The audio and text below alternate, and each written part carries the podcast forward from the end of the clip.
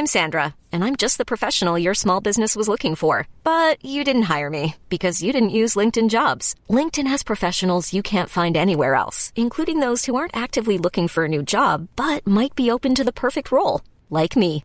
In a given month, over 70% of LinkedIn users don't visit other leading job sites. So if you're not looking on LinkedIn, you'll miss out on great candidates like Sandra. Start hiring professionals like a professional. Post your free job on linkedin.com/achieve today.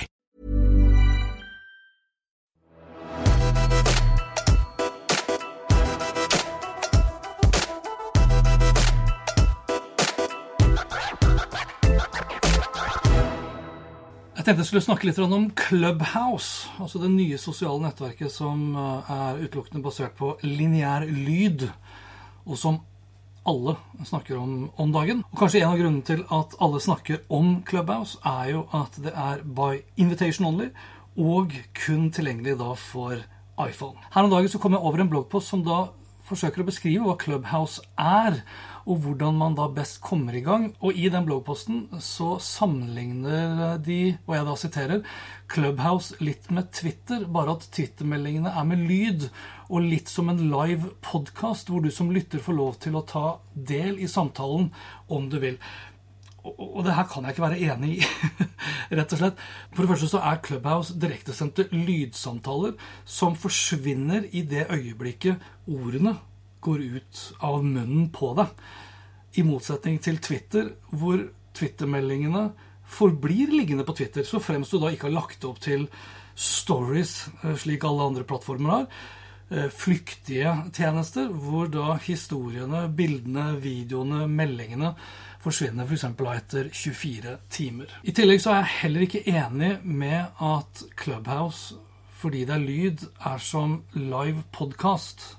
For da er det litt viktig å vite egentlig da hva podkast er. For podkast er det motsatte av det lineære. Kort fortalt så står jo podkast da for Portable On Demand Broadcast. Altså lyd som du kan høre på når du vil høre på det, fordi det er kringkastet ut til da portable eller da bærbare mobile enheter. Clubhouse er helt motsatt av On Demand. Clubhouse er tilgjengelig der og da. Hvis ikke du får med deg den samtalen om det temaet med de gitte personene i det rommet som er opprettet, så fins det ikke noe opptak. Det er ikke som Dagsnytt 18, hvor du kan se det lineært, eller høre det lineært. Og fikk du det ikke med deg, så kan du alltids gå inn på NRK-appen på TV-en din og se det on demand, eller laste det ned til din podkastspiller og høre det on demand. Ikke er det kringkastet heller. For kringkasting i ordets rette forstand er én kilde distribuert ut til mange. Så er teknologien basert på multicast. Det er mange til mange. Så bare legg vekk de forskjellige betegnelsene og, og begrepsforklaringene. Det er et sosialt nettverk. I den grad vi definerer sosiale nettverk som en plattform, teknologi, kanal som tilrettelegger for mellommenneskelig kommunikasjon. Det mest geniale med Clubhouse vil jeg påstå er timingen. Altså, det er kaldt ute, vi sitter i praksis i husarrest, og nettverket er basert på begrenset tilgang. Både på plattform og på brukere. Du må være invitert. Og når du føler deg ekskludert, ja, så har du lyst til, så godt det lar seg gjøre, å bli en del av medlemskapet. VIP-følelsen. Og når jeg sier også at timingen er riktig i henhold til pandemien og årstid osv., så, videre, så er jo det her på mange måter en slags eh, repetisjon av første gang vi gikk inn i pandemien, altså for nærmere ett år siden, hvor alle jeg sier alle nesten, kjørte Facebook Live opp og ned i mente. Vi eh, reconnecta med gamle venner og kollegaer og familie rundt omkring i Norge og det store utland via Zoom, Teams, Webex, Whereby, Facebook Messenger Video, FaceTime osv. Men vi gikk også litt lei. Sakte, men sikkert så begynte samfunnet å åpne seg igjen, i takt med at det ble lysere ute og varmere, ikke minst. Og da blei det mindre lineært og mer tilbake til det vi egentlig har digga i løpet av de siste 10-15 årene. Og det er å konsumere innhold på våre premisser. On demand. Men nå er det som sagt da kaldt igjen. Vi er tilbake til en ny lockdown. Vi er så closed opp til portforbud som vi kan komme. Så vi sitter i praksis i husarrest, og da er vi jo tilbake til litt mer lineært innhold.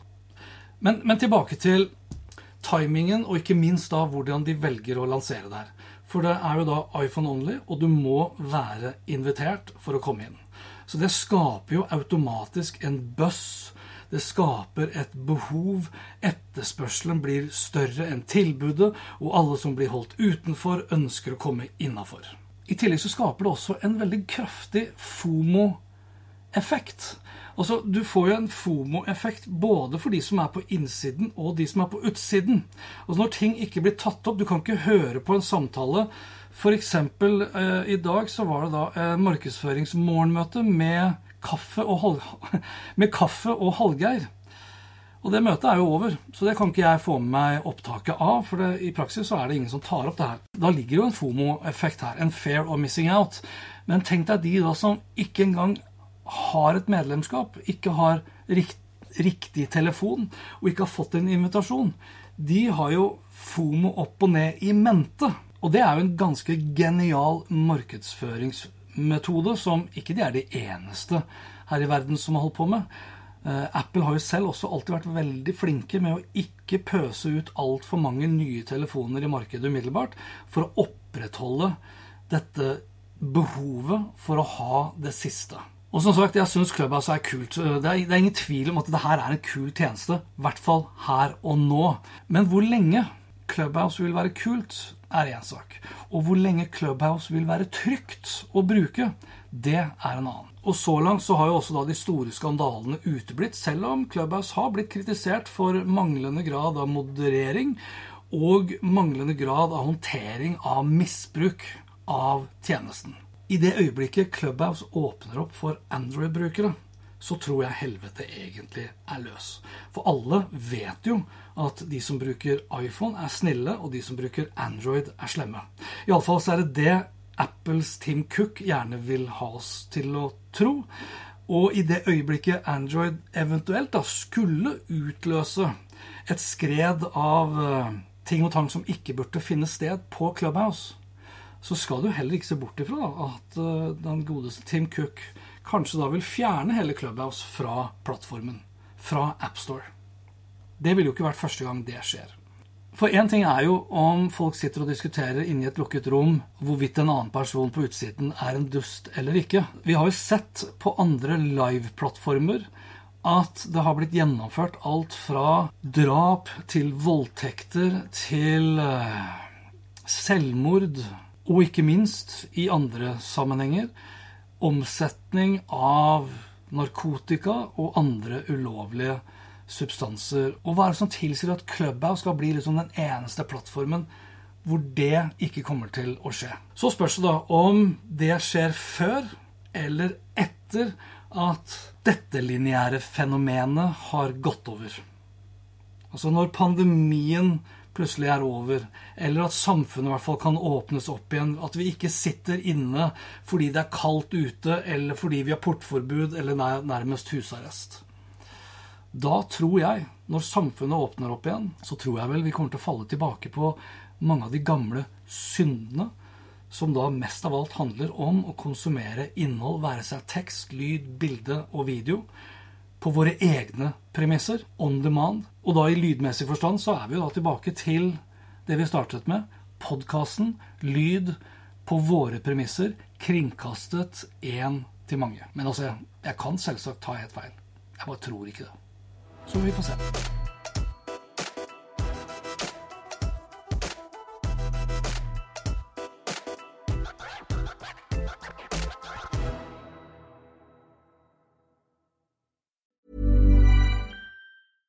Step onto the legendary clay courts of Roland Garros, where the world's best players battle it out for a chance to win the French Open title. Tennis Channel Plus is your place to watch. Stream every court from your phone or smart TV, live in HD. Don't miss a moment with daily live coverage and match replays on demand, beginning Monday, May 20th. Be there for all the unforgettable moments. Stream now with Tennis Channel Plus. My business used to be weighed down by the complexities of in person payments. Then, Tap to Pay on iPhone and Stripe came along and changed everything. With Tap to Pay on iPhone and Stripe, I streamlined my payment process effortlessly. Now I can accept in person, contactless payments right from my iPhone. No extra hardware required. What's truly remarkable is how I can cater to all of my customers' payment preferences. Whether they're using cards, Apple Pay, or other digital wallets, Tap to Pay on iPhone and Stripe ensure a smooth checkout experience every time. And it's not just me. Stripe helps businesses of all sizes, from local markets to global retailers, scale quickly and stay agile. To learn how Tap to Pay on iPhone and Stripe can help grow your revenue and reach, visit stripe.com slash tap iPhone.